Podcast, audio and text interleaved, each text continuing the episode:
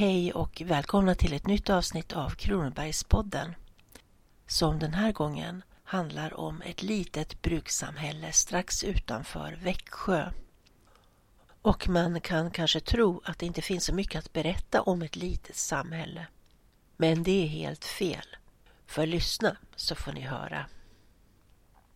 Åryd är en liten ort och gammal kulturbygd i Hemmesjö socken i Växjö kommun med en befolkningsmängd om cirka 700 personer.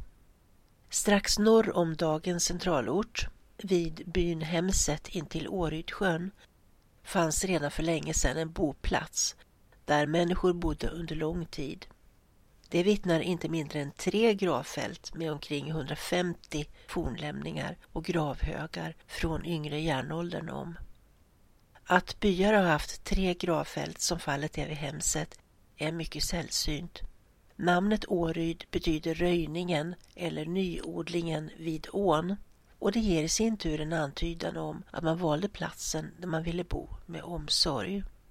Själva byn vid Hemset upphörde att existera under mitten av 1800-talet då bruket köpte upp gårdarna och sammanförde dem till ett enda stort hemman.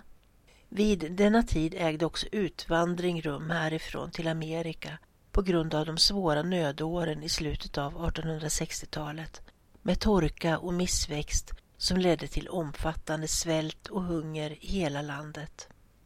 1868 utvandrade cirka 35 personer till Amerika, Tyskland och Danmark. Året därpå emigrerade inte mindre än ett 50-tal personer från Hemmesjö socken. Till Amerika utvandrade man oftast familjevis medan de som begav sig av till Tyskland och Danmark oftare var ensamstående yngre personer, de flesta under 30 år. Många i den sistnämnda kategorin flyttade också senare hem till Sverige igen medan familjerna som utvandrat till Amerika oftare rotade sig för gott där borta. Men vi backar lite för att kunna berätta om Åryds historia från början. Den första gången namnet Åryd överhuvudtaget förekommer i något dokument är 1476 då ett ägarbyte sker mellan Åry gård och en gård i närbelägna Kårestad. Åry gårds ägare, riksrådet Arvid Trolle på Bergkvara, bytte till sig skattebonden Gunnar Månssons gård i Kårestad i utbyte mot Åryd i Hemmesjö med tillhörande kvarn och kvarnström. Arvid Trolle var för övrigt en av Sveriges rikaste män och ägare till ett tusental gårdar, av vilka inte mindre än 480 låg i Kronobergs län. Ungefär hundra år senare, omkring 1580, blev Åryds gård sätesgård med skattebefriat privilegium. Själva Åryds samhälle där det ligger idag växte upp kring järnbruket som ägde bestånd från 1645 och fram till cirka 1880. Även om påträffade slagghögar vid Hemmesjösjön vittnar om tidig järnhantering i trakten redan innan järnbrukets tid. På 1600-talet ägdes Åryd av majoren Nils Rosenqvist. Han var bland annat med i 30-åriga kriget i egenskap av ryttmästare vid Smålands ryttare men skickades hem 1644 för att delta i ett angrepp på Skåne som under denna tid tillhörde Danmark. I samband med det fick han kontakt med holländaren Arnold de Rees som hade fått kungligt privilegium av drottning Kristinas förmyndarregering om att anlägga järnbruk i Småland och redan drev bruken i Ålshult, som på den tiden hette Grövik, samt Torne. Therese arrenderade också Huseby bruk och nu kom ett järnbruk att grundas i Åryd som en direkt utlöpare av Huseby bruk. En förutsättning för att kunna bedriva järnhantering var vattenkraft, skogar och malm i sjöar och myrar och allt detta fanns i Åryd. Therese tog med sig både holländare och tyskar som arbetskraft till Åryd. Bland folket i trakten var dessa inte alltid uppskattade eftersom de högg ut de fina skogarna för att få kolved. 1739 tog brukspatron Olof Lundblad över Åry bruk. Han ligger begravd med sin fru och fyra av sina totalt 14 barn vid Hemmesjö gamla kyrka. Han var en drivande bergsman från Bergslagen som förde med sig praktiska erfarenheter av järnhantering i Västmanland och Dalarna och inledde en expansiv period i brukets historia. Han lät reparera och modernisera masugnar och hammare, köpte mer skog till bruket från Braås och inmutade några tidigare inte utnyttjade sjöar varigenom han kom i besittning av ännu mer malm. På 1750-talet var Åryds bebyggelse koncentrerad till det område där man idag finner masugnsruinerna med masugn, hammarsmedja och såg på ena sidan av ån och herrgårdsbyggnaderna och bruksfolkets hus på den andra. Bland bruks och gårdsfolket stod hammarsmederna högst på den sociala rangskalan. Vid bruket arbetade många olika kategorier yrkesfolk, smeder, slaggkörare, uppsättare, drängar och pigor av olika slag, dagkarar, stallgossar samt torpare. Av de senare var några brukare, det vill säga arrendatorer. Till bruksfolket hörde ett trettiotal personer oräknat de anställdas hustrur och barn. Runt om i skogarna brann kolmilorna för det gick åt stora mängder kol. Kolningen pågick under tre eller fyra veckor. 1825 var det inte mindre än ett 70-tal gårdar i Hemmesjö, Tegneby och Furuby socknar som levererade kol till Åry bruk.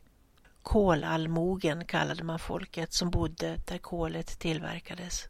Hyttdrängarna hjälpte kolarna att utkola och utriva milorna. Kolen lastades sedan på så kallade kolryssar som var släddon med flätade korgar som transporterades med oxforor till bruket. Att bygga en mila och kola var en svår konst. Varje mila var unik och hade sin egen särskilda karaktär. Många olika faktorer såsom vedens beskaffenhet, väderlek, vindriktning och draget in i milan spelade roll och man blev aldrig riktigt fullärd. Mycket vidskepelse omgärdade kolningen. Till exempel nämnde man aldrig elden vid namn eller använde stål efter mörkrets inbrott. När man reste en mila kastade man heller aldrig något föremål upp på milkullen eller i omvänd riktning därifrån ner på marken. Masugnen användes, eller blåstes som man sa, endast en kort tid per år. Ibland användes den inte ens varje år. Eftersom detta innebar minskade arbetsmöjligheter kunde masmästare, bälgmakare, hyttdrängar och uppsättare lånas ut till andra järnbruk i närheten, som till exempel bruket i Braås. Järnet som utvanns i masugnen blev stångjärn i hammarsmedjan. Detta bearbetades sedan i smedjan till plogbillar, hackor, spadar, söm, spik, fotringar, spett, spjäll, murskedar, murhammare, järngaller, takkrokar och diverse småsmide. Bruksfolket fick större delen av sin lön utbetalt kontant men ungefär en tredjedel togs ut i form av varor som hämtades hem från främst Karlshamn och Ronneby. Varorna som bruket tillhandahöll var råg och korn, salt, fläsk, ärtor, rovor, humle och fisk av olika slag, både färsk och torkad. Också brännvin köptes från bruket. Brännvinet flödade inte lika rikligt under 1750-talet som det kom att göra några decennier senare då bruket hade ett eget bränneri. Och då räckte ändå inte brukets brännerikapacitet till utan man fick hämta förstärkning från bränneriet i Torp i Moheda. Brännvin gavs både till gårdens och brukets folk och även för att belöna väl utfört arbete. Och till högtider som jul gavs extra ransoner. Men under bergsrådet Askans tid från 1823 tog brännvinstillverkningen slut för Askan hade tagit intryck av nykterhetskämpen Peter Wieselgrens propaganda och inget av hans bruk framställde därefter brännvin. Förutom att arbeta vid själva bruket hade många torpare skyldighet att utföra dagsverken vid herrgården. Några var dessutom skomakare eller skräddare. Andra arbetsuppgifter var att bygga flottar på Helgasjön och Tegnebysjön, göra gärdsgårdar och dika kärr, kratta och röja eller arbeta i herrgårdens trädgård. Både män och kvinnor fick göra dagsverken. Och på vintern, när det inte var så mycket att göra inom odlings och jordbrukssysslor, tog somliga torpare på sig timmerhuggning i skogen som extra förtjänst.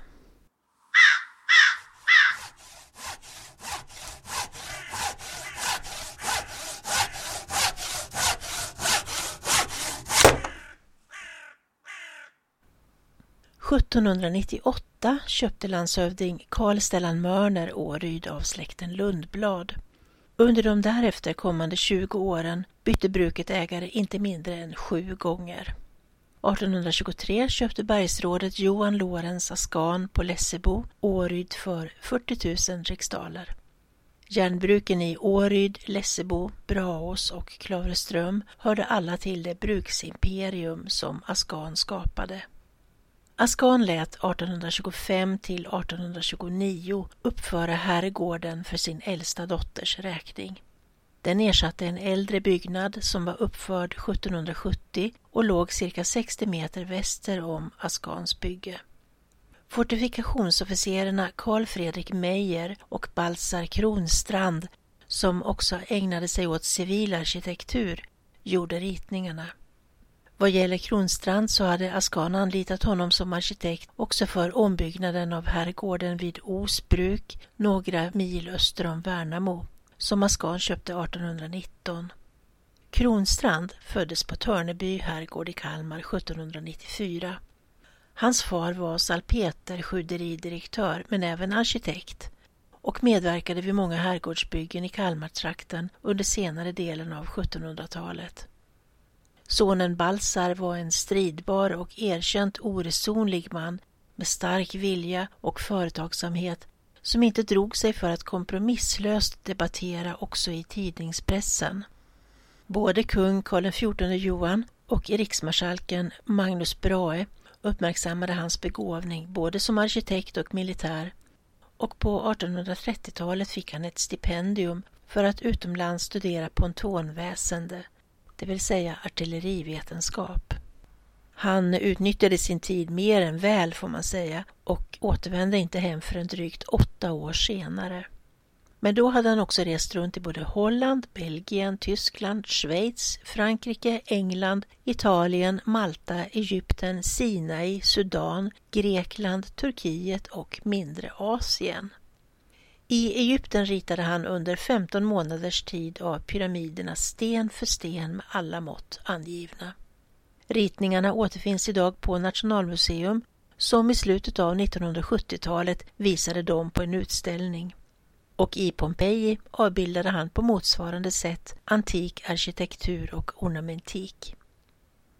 Då han återkom hem till Sverige var hans militära bana förstörd. Därtill var hans stipendiemedel sedan länge slut och han hade själv fått skuldsätta sig. Hans chef ansåg att resultaten av hans långa resa i fråga om främst avbildningar av fornminnen knappast i någon högre grad var till nytta för Försvarsmakten. Och då Kronstrand dessutom nonchalerade permissionstider beslöt hans överordnade att skilja honom från hans tjänst. Resultatet blev en uppseendeväckande rättegång som slutade med att Kronstrand 1844 ströks ur ingenjörskårens rullor. Kung Oscar den förste trädde visserligen in och benådade honom och såg till att han återfick sin tjänst men 1849 valde Kronstrand ändå att sluta som militär. Och nu blev han istället föreståndare för Svenska slöjdföreningens söndags och aftonskola för hantverkare i Stockholm. En skola som folklivsforskaren konstnären och konsthistorikern Nils Månsson Mandelgren hade startat. Denna skola ombildades senare till Tekniska skolan i Stockholm som idag känns som Konstfack.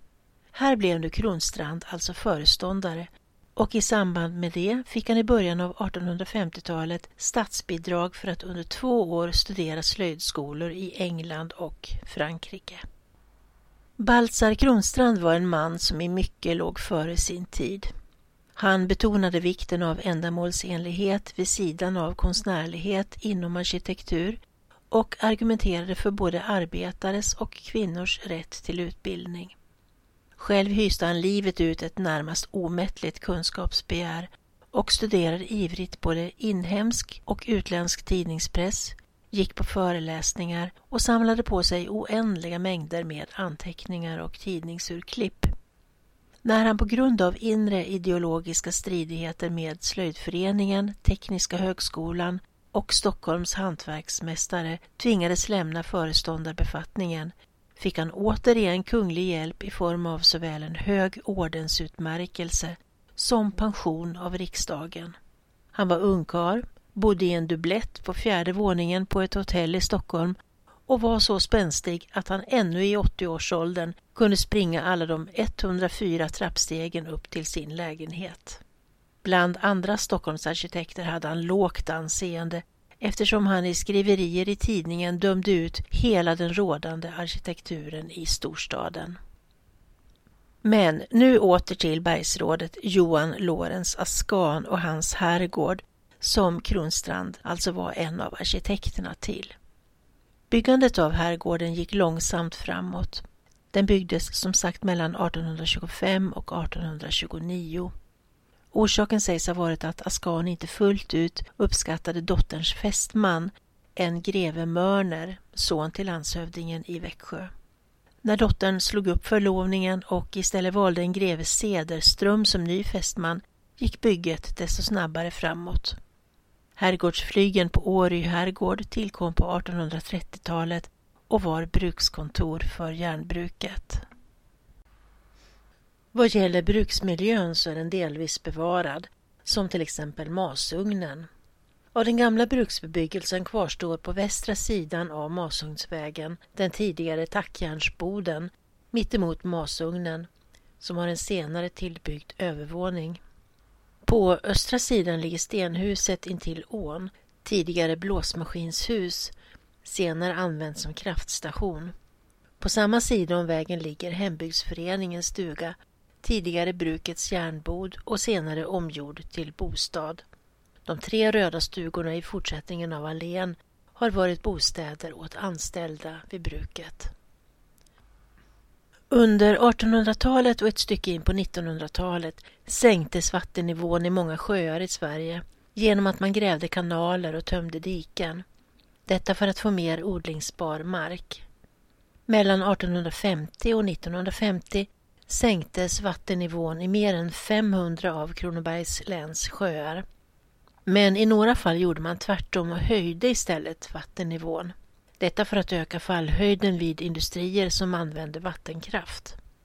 I Klavreström höjdes år 1825 genom Klavreströms järnbruks ägare bergsrådet Johan Lorenz Askans försorg som också ägde detta järnbruk Änghultasjöns nivå med närmare tre meter genom att man byggde en damm varvid ett par mindre sjöar uppströms offrades och Änghultasjön idag är på sina håll på grund av skrevor och försänkningar i den skogsmark som sjön idag översvämmar mer än 30 meter djup.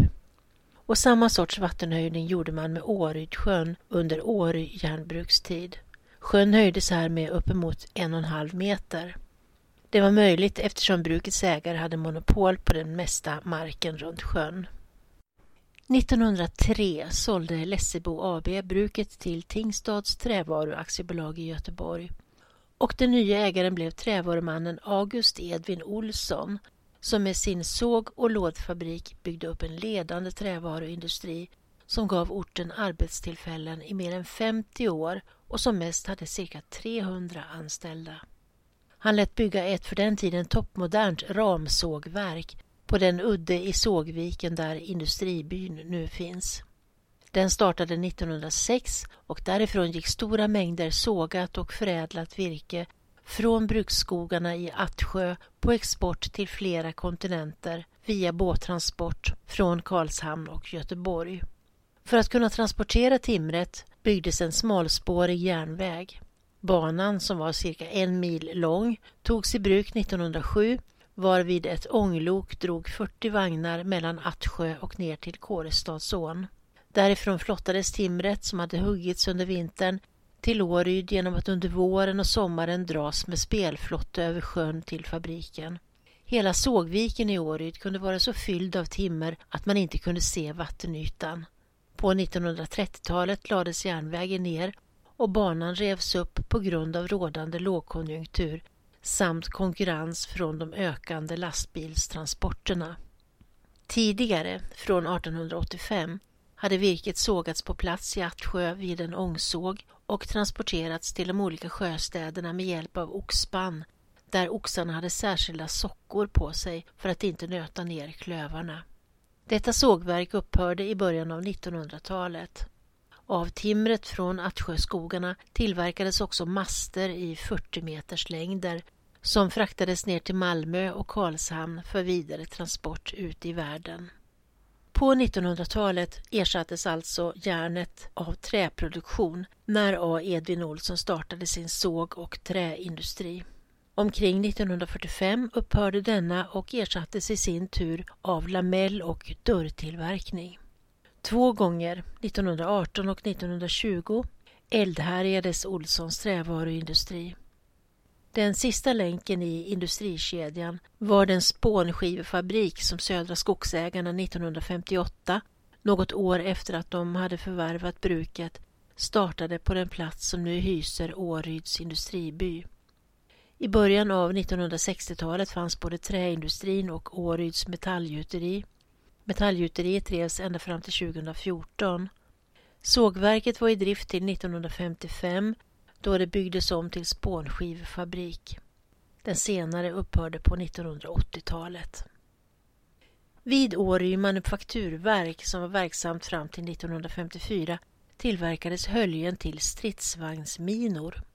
Dessa var cirkelrunda och av formpressat lamellträ, drygt 35 cm i diameter och cirka 8 cm tjocka. Trämaterialet gjorde att minan blev svårare att upptäcka med metalldetektor. För att skydda träet mot röta doppades minan i pentaklorfenol, ett mycket giftigt och numera förbjudet preparat. Arbetarna hade långa skyddshandskar på sig. Giftet både droppade på trägolvet och gav också minhöljet en rödaktig eller rosa färg. Sågspånsfabriken i Åryd var både sågverk och träindustri där man själv tillverkade det spån som behövdes. Här gjordes lamellskivor, dörrar, köksluckor och bänkskivor belagda med Perstorp. På fabriken fanns också Åry fanerprodukter som tillverkade den så kallade Årydsbrickan, serveringsbrickor och kakfat i pressad kryssfaner. Under åren efter andra världskriget kom flera flyktingar till Åryd, bland annat från Lettland och Polen och fick arbete både på Åry fanerprodukter och Åry sågfabrik. Mellan 1912 och 1921 hade även ett glasbruk, Åryds glasbruk, en kort blomning i byn. Det var beläget mellan rostugnen och masugnen i Åryd och drevs av fabrikör Oskar Nilsson som under tio års tid hade arrendekontrakt som påtalade att både elkraft, masugnsbyggnaden och flygelbyggnaden vid Åry bruks gårdsplan samt köksträdgården intill ingick i hyran. Redan året efter glasbrukets start, 1913, var ett trettiotal personer knutna till glasbruket. Man förlade glastillverkningen till Masugnshyttan och producerade ungefär samma sorts produkter som var vanliga vid andra svenska glashyttor under denna tid, nämligen servisglas, pressglas, hushållsglas, dekorerade blomvaser, men även råglas till termosflaskor, medicinflaskor och skokrämsburkar. Fabrikör Nilsson kom dock så småningom i konflikt med ledningen för Åry bruk bland annat för uteblivna betalningar för träull och andra varor, varför bruket stängde av strömmen till verkstaden. Tillverkningen upphörde 1920 och glasbruket gick i konkurs året därpå. När verksamheten upphörde tömdes resterna ut på marken bakom rostugnen varvid marken där blev förorenad av både giftiga och miljöfarliga ämnen såsom bly och arsenik. Egnahemsbyggandet har ingen lång tradition i Åryd. Den äldre bebyggelsen bestod av bostäder som fanns kvar sedan brukets tid, då endast anställda vid bruket kunde förvärva tomtmark, samt av de bruksbaracker som uppfördes vid sågverkets start 1903. 1912 var bebyggelsen i Åryd i stort sett koncentrerad till Masugnsvägen. Där villor ligger idag var det åker och äng. Men torpen Sjöbacken och Källelund fanns och på andra sidan järnvägen två rätt nya hus som inrymde brukshandeln respektive Fridas café med bageri. Där fanns också arbetarkasernen Buskakull. De första egna hemmen uppfördes först i mitten av 1940-talet och under 1950-talet började arbetarna köpa tomter på Sjöbacken för att bygga egna villor. De nybyggda husen längs Värensvägens mittersta del och längs Skogsvägen kallades allmänt för Negerbyn eftersom det var mycket problem med rök och kolos i början. På 1950-talet fanns flera kasernbyggnader i Åryd. Gamla kasernen, Norrlandskasernen och Buskakull. En annan kasern hette Lyckås. I dessa tvåvåningsbyggnader längs Masugnsvägen uppförda i början av 1900-talet bodde arbetare som jobbade på sågspånsfabriken. Varje byggnad rymde mellan 8 och 15 en och tvårumslägenheter. Man gick in på gaveln och sedan ledde en lång korridor som löpte genom hela huset till lägenheter på båda sidor om korridoren som i en hotellbyggnad. Ett hyresrum i till exempel Norrlandskasernen kostade på 1950-talet 8 kronor per månad. Till det tillkom lysräkning på 80 öre. Åtminstone i kasernen Buskakull fanns det gott om vägglöss som man försökte bli av med genom att klistra igen alla dörrar och fönster och sedan röka rummet med cyanvätegas, vilket tog död på cellernas syreförbrukning och orsakade kvävning, både av löss och människor ifall man befann sig där inne. Därför var det oerhört viktigt att vädra ordentligt efteråt. Det var just en sådan behandling som används för att utrota vägglöss på hotellet Hellman i Stockholm där Dan Andersson bodde som orsakade hans död. Vidare var golvet i korridoren nedslitet och lyhördheten gjorde att man kunde höra det mesta av vad som hände inne i lägenheterna och överallt kändes lukten av matos. Man eldade med ved som arbetarna fick hämta gratis i säckar från det avfall som uppstod vid bruket. Elström till belysningen levererades från brukets stora ångmaskin under de tider den var i drift. Övriga tider fick man ström från ett vattenfall där en turbin med elgenerator levererade ström då brukets maskiner stod stilla. Det uppstod alltid en stunds mörker när elströmmen kopplades över från den ångmaskinsdrivna generatorn till den som drevs av vattenfallet. Vatten fick man hämta på andra sidan vägen och slasken fick man bära ut. På en åker utanför som bruket hade upplåtit fick de boende sätta potatis. Vid god potatisskörd gjordes stärkelse som man kunde göra stärkelsegröt av. De flesta kvinnorna var hemmafruar men ibland kunde man få extraarbete på herrgården, till exempel med tvätt. Då arbetade man i tvättstugan i sjökanten nära växthusen från klockan åtta på morgonen till åtta på kvällen och bykte tvätten i stora kar med lut och aska innan man klappade den med träpåkar för att slå ur smutsen. Bruket inrättade också ett badhus i en av byggnaderna på bruksområdet närmare bestämt nuvarande Masugnsvägen 1.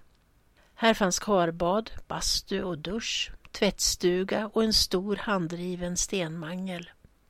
Badhuset var öppet i slutet av veckan och sköttes av bruksdisponentens chaufför som själv bodde med sin familj i husets ovanvåning. Här blev det senare publokal. Och i uthus som hörde till varje kasern fanns ett antal utedass där kataloger tjänade som toalettpapper. Vidare vedbod till varje familj, hönshus och en grisastia där familjens hushållsgris bodde. Grisarna köptes av en kringfarande grishandlare som hette Niklasson och som höll upp den gris han skulle sälja i ena bakbenet för beskådande innan den stoppades ner i en säck och bars hem till stian. Familjerna tävlade om att föda upp den största och bästa grisen. Man gav grisarna matavfall att äta och ute på sankmarkerna sökte man våtarv, nate. Bra grismat var också nässlor som man plockade på försommaren och hackade och kokade till en soppa. På lördagarna kunde man gå och mäta grisarna med hjälp av ett snöre för att se vilken som var störst.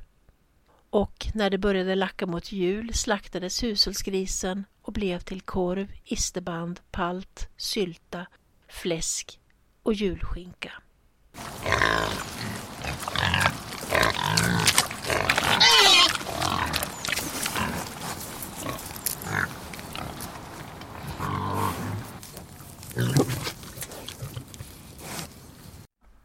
Annat som man åt var stora kringlor som kallades pladuskor.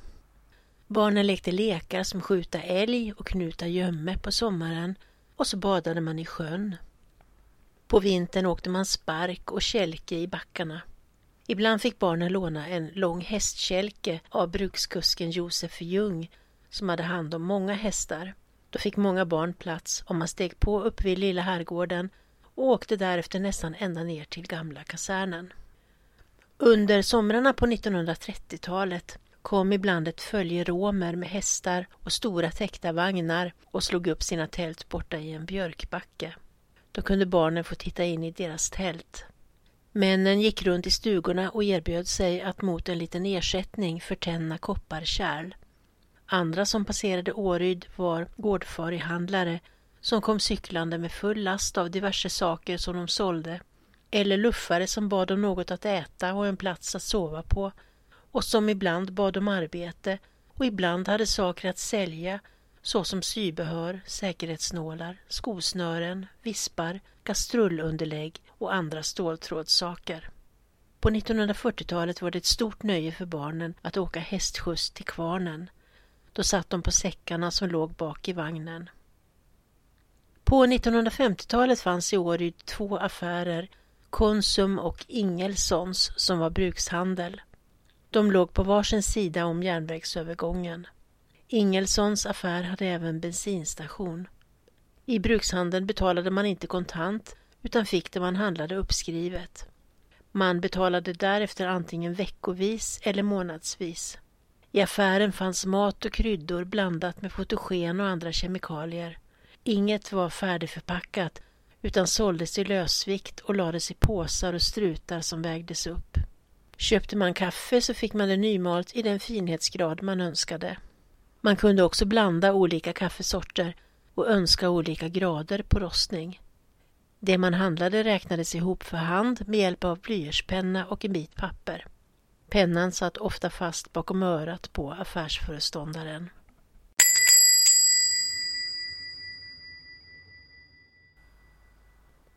Konsum uppstod genom att arbetarna vid bruket 1927 fick idén att bilda en kooperativ förening där man kunde köpa in egna andelar och därefter fick dela på återbäringen.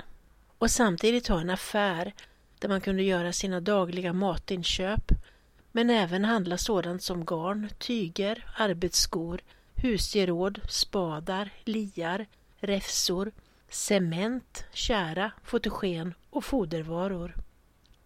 Denna förening blev en stark konkurrent till den redan etablerade brukshandeln.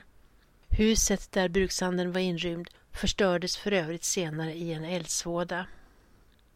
Bortanför Ingelssons låg ett café och bageri som drevs av mjölnaren Sture Petterssons mor. Mjölet till bageriet kom förmodligen från sonens kvarn. Sture hade också en leksaksfabrik som låg i kvarnen och där han ur plywoodskivor från fabriken sågade pussel, leksaker och prydnadssaker medan hans hustru Elin målade motiv på de olika produkterna. Mittemot kaféet låg Gösta Rundqvists cykelverkstad och taxistation. Det fanns också en järnvägsstation och en poststation. Innan järnvägen kom transporterades posten till och från Växjö till fots. Karl Tengbom från Åryd svarade för postgången på 1850-talet och efter hans död fortsatte hans änka med arbetet ända fram till 1871. Men 1874, efter att tågtrafiken till och från Åryd hade kommit igång, började posten hanteras på järnvägsstationen. Då fick man gå dit för att hämta posten i antingen sitt postfack eller sin box. Hundra år senare, 1974, fick posten egen lokal bredvid Konsumbutiken. Tågen kördes med ånglok eller rälsbuss och järnvägen hade också stickspår fram till masugnen respektive spånskivefabriken. Stickspåret till masugnen användes för att transportera järnmalm och träkol till järnbruket. Åryds station byggdes när järnvägslinjen Karlskrona-Växjö kom till på 1870-talet och tågtrafiken till och från Åryd var i bruk i drygt hundra år mellan 1874 och 1976. 1962 kostade en tur och returbiljett mellan Åryd och Växjö 3 kronor och 20 öre. I mars 2011 revs det gamla stationshuset. Under 1950-talet var föreningslivet starkt i Åryd. Det var i synnerhet sammanslutningar kopplade till det socialdemokratiska partiet som var tongivande som till exempel fackföreningen, kvinnoklubben, ungdomsklubben SSU men också föreningar som Folkets hus, idrotten, Röda korset och föreläsningsföreningen. Den senare bildades 1912 och hade sin samlingslokal först i gamla sågen och därefter i turbinhuset som på den tiden hade ett övre plan där man kunde träffas. Förvaltaren vid bruket var med i den första styrelsen och redan det första året hade man 75 medlemmar. Man hade föreläsningar om Gustaf Fröding, Stora sjöfallet, Kebnekaise och den nordiska gudasagan.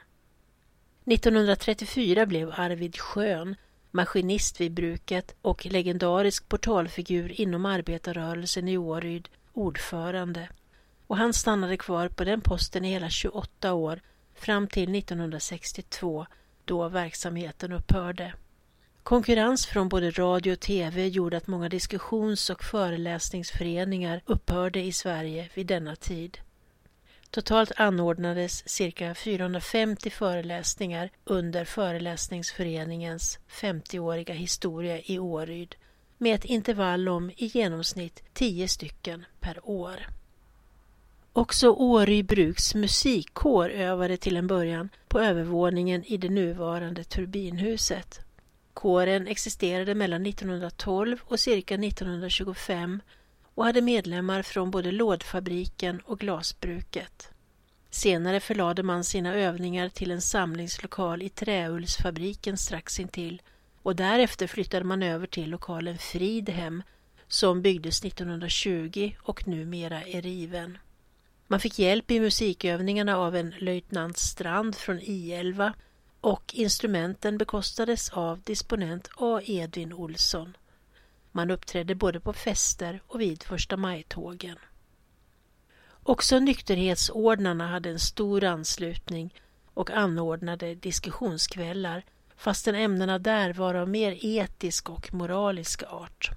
Fast en gång anordnade man en utflykt på sjön med Enö som mål och där både intog man förfriskningar och inbjöd också alla flickor i Åryd. Och en annan gång inbjöd man till Gökotta där både män och kvinnor uppmanades att ta med sig en fjälla eller kavaljer även om de inte tillhörde logen. Senare flyttade föreläsningsföreningen över till Fridhem där det fanns även biograf och bibliotek.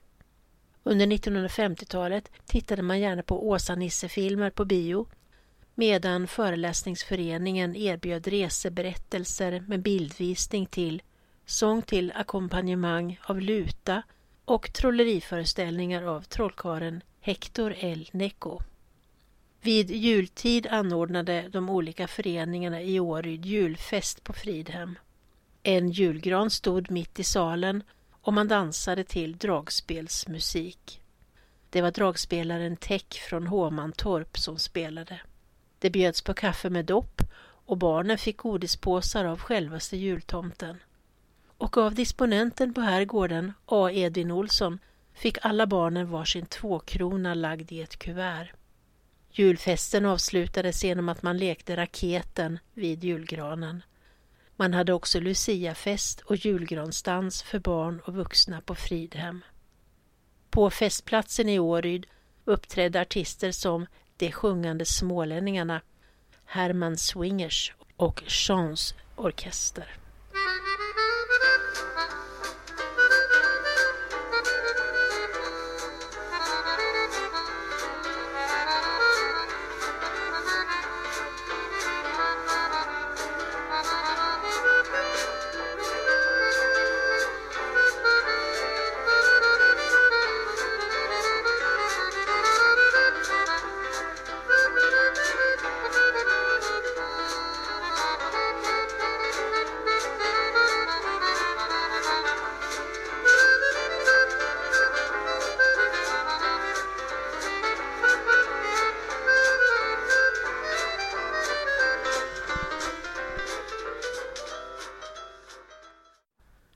Att återknyta till föreningslivet så fanns det som nämnts en socialdemokratisk kvinnoklubb i Åryd, sedermera Åryds S-kvinnor. Den var aktiv mellan 1937 och 1998. När klubben bildades 1937 anmälde sig genast 22 kvinnor som medlemmar. Vid sidan av diskussioner och studieverksamhet gjorde man också utflykter. Diskussionerna kunde gälla ämnen som samhällets barnomsorg, dess problem och lösningar, den utbredda men dolda kvinnomisshandeln, hur ett gott hem ser ut och ifall det är kvinnans eller mannens kläder som är dyrast. I fråga om studieverksamhet anordnades sykurser, kurser i djupfrysning, engelska och gymnastik, men också ämnen som kommunalpolitik, mötesteknik och konsumentupplysning. Exempel på teman för studiecirklar har varit trygghet på äldre dagar, kvinnors ekonomi och hälsa och mat och motion. När andra världskriget tog slut 1945 var det ont om livsmedel, särskilt i våra grannländer. Då startade kvinnoklubben i Åryd en kuponginsamling eftersom man på grund av ransonering måste handla på kupong. Man samlade in vetemjöl, socker och smör som kunde skickas till behövande i grannländerna. Man hade också under kriget skänkt babykläder till Norge och strumpor till barn i Finland. Och så sydde man klänningar till holländska flickor. Men även familjer på hemmaplan som behövde fick extra pengar till jul.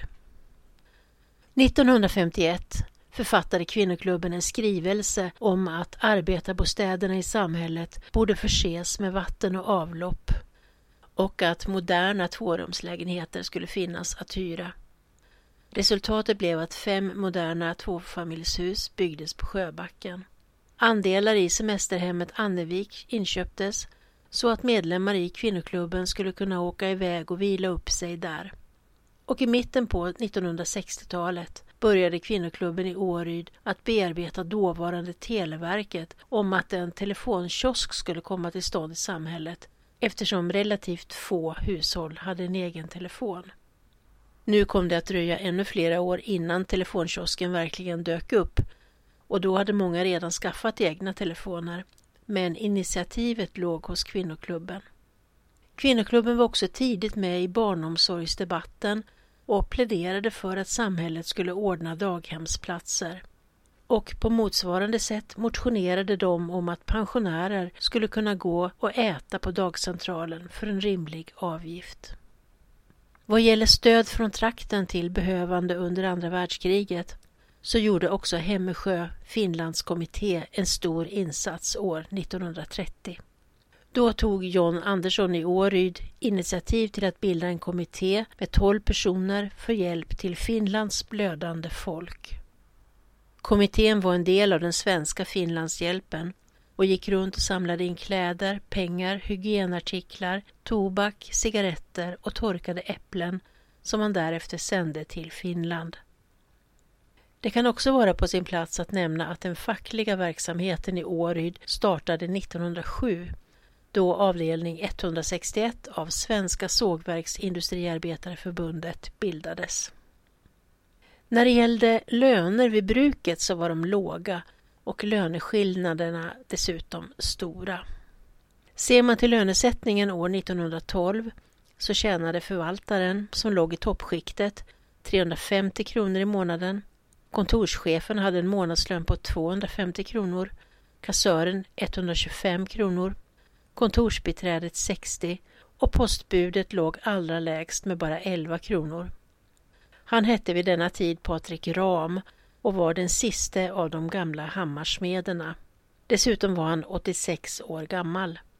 Men förmodligen hade han fri bostad i smedstugan där han bodde. Lite senare på 1950-talet fick disponentens barn en tusenlapp i månaden som fick pengar. Detta kan jämföras med trädgårdsmästarens månadslön på 125 kronor. A. Edvin Olssons familj tillbringade ofta somrarna i Åryd.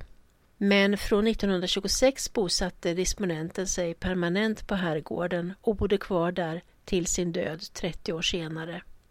Från herrgården fanns en cirka 70 meter lång bro byggd på stenkistor ut till Ugnsholmen i Årydsjön som Olsson förmodligen låtit bygga.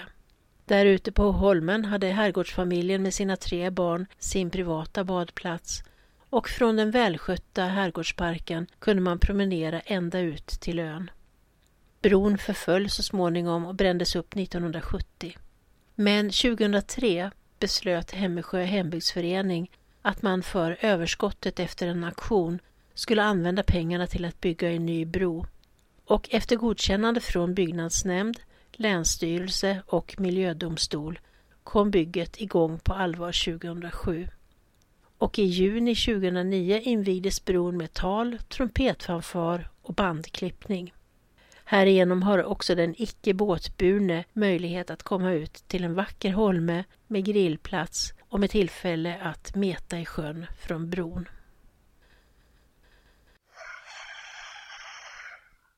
På herrgården började dagens arbete för herrgårdens ena husa med att ge disponenten ett glas vatten vid halv åtta-tiden och bära in dagens Göteborgstidning till honom.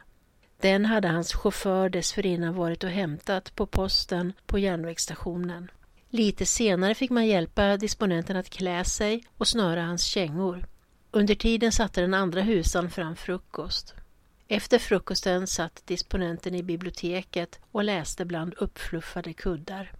Kokerskan Ellen tog hand om disponentens åldrade syster fröken Julia Olsson som bodde i två rum på mellanvåningen och var blind och en gång i tiden hade varit guvernant. Var inte maten färdig i tid satte sig disponenten vid pianot och spelade mycket högt. Vid gästmiddagarna var tusenbladstårta en uppskattad efterrätt. Kaffe på maten serverades på stora brickor som bars in i biblioteket där brasan var tänd. Köket fanns på andra våningen och hade agaspis och ett serveringsrum med utgång till stora matsalen.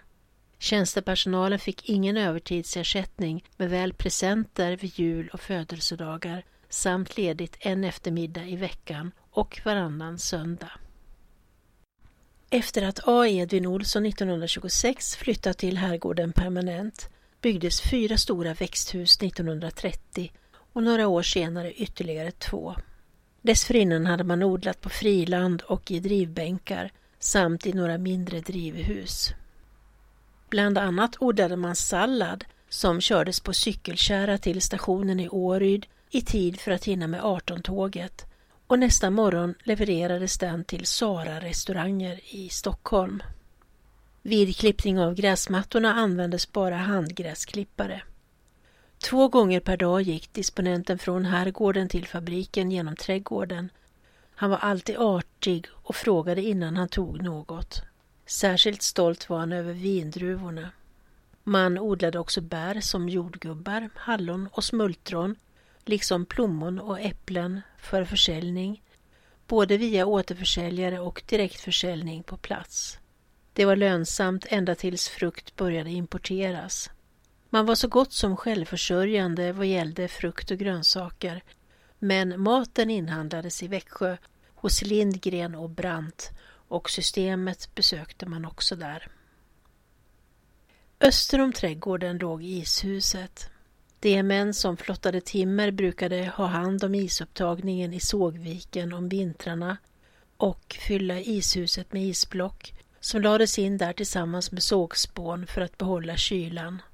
I ishuset förvarade man också kött. Vid besök öppnades dörren av en tjänsteflicka som bjöd gästen att stiga in i hallen och lägga sitt visitkort på en silverbricka. Denna bars upp till biblioteket där disponenten befann sig och han sa till om att gästen skulle visas in i salongen och serveras ett glas portvin. Vissa gäster stannade hela sommaren. Herrgården hade sex gästrum. I källaren fanns både vinkällare och en stor potatiskällare. När flaggan skulle hissas och halas stod disponenten ofta i fönstret och kontrollerade att man höll tiden. Länge fanns det bara två bilar i Åryd. De ägdes av disponenten samt taxichauffören Fernvall. När A. Edvin Olsson drog sig tillbaka tog hans yngste son Hakon, som var major, över företagets ledning. A. Edvin Olsson utgav sina memoarer i bokform 1942. Herrgården såldes 1972 för 250 000 kronor till Bengt Hjelmqvist. Något som A. Edvin Olsson har blivit särskilt ihågkommen för är att han på 1920-talet tog initiativ till att restaurera Hemmesjö gamla kyrka som hade lämnats åt sitt öde på 1850-talet då den nya kyrkan i Billa tagits i bruk. Fastän Hemmesjö gamla kyrka från slutet av 1100-talet hör till de äldre stenkyrkorna i landet och till de äldsta kyrkorna i Kronobergs län tilläts den förfalla allt mer och Hemmesjö församling ville låta riva den. Redan så tidigt som på 1770-talet var den i starkt behov av reparation. Den 27 april 1904 beskrivs kyrkans tillstånd i en notis i Smålandsposten så här. Vid företagen undersökning utröntes att södra kyrkodörren lossnat från sina gångjärn och lämnar fritt tillträde för människor och djur. Att yttre taket, särskilt över sakristian, är mycket bristfälligt. Att kyrkans golv, varunder gravplatser finnas, upptagits samt att flera likkistor öppnats och kastats om varandra varvid tre skelett fullständigt blottats. Disponent Olsson ställde egna medel till förfogande för en restaurering och sedan ytterligare bidrag erhållits från staten kunde en restaurering genomföras år 1925. Olsson bekostade också den nuvarande klockstapeln som invigdes 1954, liksom klockan som hörde till.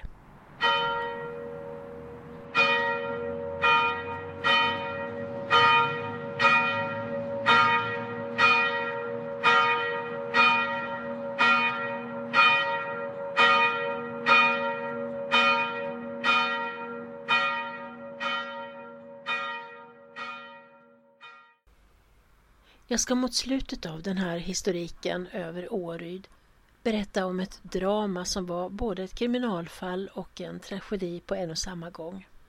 I ett av sågtorpen, längst inne i viken mellan Masugnsvägen och infarten till Sjöbacken, bodde sågaren och byggmästaren Petter Persson, som var född 1726 och arbetade vid bruket. Han var enkeman och bodde tillsammans med sin dotter och svärson i torpet och de hade dessutom två kor, en kviga, tre får och fyra lamm. I mitten av april månad 1808 innebrändes Petter och dottern Stina vid en mordbrand och från början hette det att också svärsonen omkommit. Men det visade sig att han var den som hade tänt på. Ännu 170 år efter händelsen kom människor i Åryd ihåg den efter att släktingar till dem hade berättat om den. Det var alltså svärsonen Petter Larsson, Sågarpelle eller Petter Sågare kallad, som var upphov till branden. Efteråt gömde han sig i en koja i skogen nära platsen där Sune Karlssons åkeri senare kom att ligga. på Sågarpelles kulle. Han höll sig först gömd där i nio dagar innan han begav sig ut på inbrottsrunda och för att skaffa mat. Senare kunde man hitta en hel del tjuvgods i kojan såsom dukar och vävar, klädesplagg, en handyxa, spegel, silversmycken samt bröd och mjöl. Den 9 juni infångades Petter Sågare och fördes till Kronohäktet i Växjö bevakad av fyra män och med handklovar på sig. I sin dagbok, som han också hittat i kojan, hade han utförligt berättat vad han gjort och vad som låg bakom. Det visade sig att han mådde mycket dåligt och till och med hade tankar på att begå självmord. Trots hårt arbete tjänade han knappt någonting och både hustrun Stina och svärfadern var missnöjda med honom. Han skrev också om en händelse som inträffat året innan mordbranden. Då mötte han på skogsvägen från Furuby kyrka i riktning mot Risinge en elvaårig flicka och han fick en idé om att ifall han slog ihjäl henne och kom i fängelse så skulle han få både mat och husrum för resten av livet. Han tog upp en sten och dödade verkligen den lilla flickan Anna-Stina Andersdotter från Risinge och flydde sedan därifrån. Man fann aldrig någon förövare till dådet utan antog att hon hade blivit överkörd. Nästan ett år senare, i påsktid april månad 1808, fick Petter Sågare i sin förvirring idén att ta död på det som en gång hade varit honom allra kärast. Vid tiotiden på kvällen steg han upp ur sängen och började dricka brännvin, varvid hans hustru bannade honom. Då tog han en kniv och stack den i hennes hals och drog henne därefter ur sängen. När hennes far kom och undrade vad som stod på fick han en yxa i huvudet vid örat så att han stöp i golvet. Därefter plockade Petter sågare ihop det han ville ta med sig, satte stickor i torpets vrår och dörrar och tände därefter eld på dem innan han begav sig ut. Då var klockan ungefär halv tolv på natten. En halvtimme senare vaknade närmaste grannen, skomakaren Sven Jonsson och dennes hustru av ett brak. Och när de tittade ut genom fönstret såg de att Petter Perssons torp stod i ljusan låga. Petter Sågare, som var en lång och smal och svarthårig man i 30-årsåldern, visade överhuvudtaget inga känslor eller någon ånger över de tre människor han hade bragt om livet. Även om han erkände både mord och dråp och mordbrand och stölder och hela sitt ansvar för det skedda. Han berättade att han hade byggt kojan i skogen i augusti månad året innan för att kunna dra sig undan dit från hustruns grälande. Han hade bott där i tre veckors tid och redan då gjort stölder på flera ställen. Rätten förundrade sig över hans likgiltiga uppsyn men även över hans fars nästan identiska frånvaro av känslor eller sinnesrörelser då denne vittnade om sin sons uppväxt och nuvarande liv. Alla övriga vittnen, människor från byn som kände Petter sågare eller hade med honom att göra, gav honom goda vitsord och hade varken något att anmärka på honom eller hans hustru eller ifall deras förhållande skulle ha varit överdrivet bråkigt eller dåligt, även om det var känt att hustruns lynne hade varit häftigt och förebrående. Petter Sågare beskrevs som en tystlåten, hövlig och arbetsam person med gott uppförande. Det enda som kunde noteras var att man tyckte att han efter det att han gift sig hade blivit mer allvarlig och dyster. Petters dom blev hård. Han dömdes att både mista högra handen, halshuggas och steglas. Och så skedde på avrättningsplatsen i Ingelstad den 4 december samma år, anno domini 1808. Idag kan vi kanske tydligare se orsakerna som ledde till att Petter rasade så till den milda grad att han förlorade greppet om både moral och syn på ett människolivs värde. Han var fattig och olycklig i sitt äktenskap och kände sig missförstådd och utanför. Det har många gjort efter honom och det är ingen ursäkt för att uppsåtligt döda. Men samhällets sätt att ta hand om en dylik våldsman har ändrats radikalt under de mer än 200 år som har gått sedan dess. Hemmesjö hembygdsförening som bildades 1976 har aktivt medverkat till flera konkreta åtgärder i hembygden. Förutom att bygga en ny bro ut till Ugnsholmen så låg den också i slutet av 1990-talet bakom byggandet av det nya vattenhjulet i gammal modell som nu snurrar i vattenrännan vid turbinhuset, det tidigare blåsmaskinshuset, och reglerar vattenmängden i Årydsjön. 1993 till 94 restaurerades masugnen i ett stort ALU-projekt och 2006 restaurerades den gamla rostugnen från 1873 vid Åre järnbruk genom ett stort samarbete med bland andra Ottossons byggföretag och Länsstyrelsens kulturmiljöenhet. Åryd är en levande bygd med en gammal och händelserik historia. Det är lätt att ta för givet att små orter är betydelselösa. Ända tills man börjar gräva och vända på stenarna. Då visade det sig att nästan överallt sipprade upp små eller större berättelser som tillsammans bildar en fascinerande mosaik. Tack för att du har lyssnat. Jag som har berättat heter Ella Styv och arbetar på Växjö stadsbibliotek. På återhörande. Hej!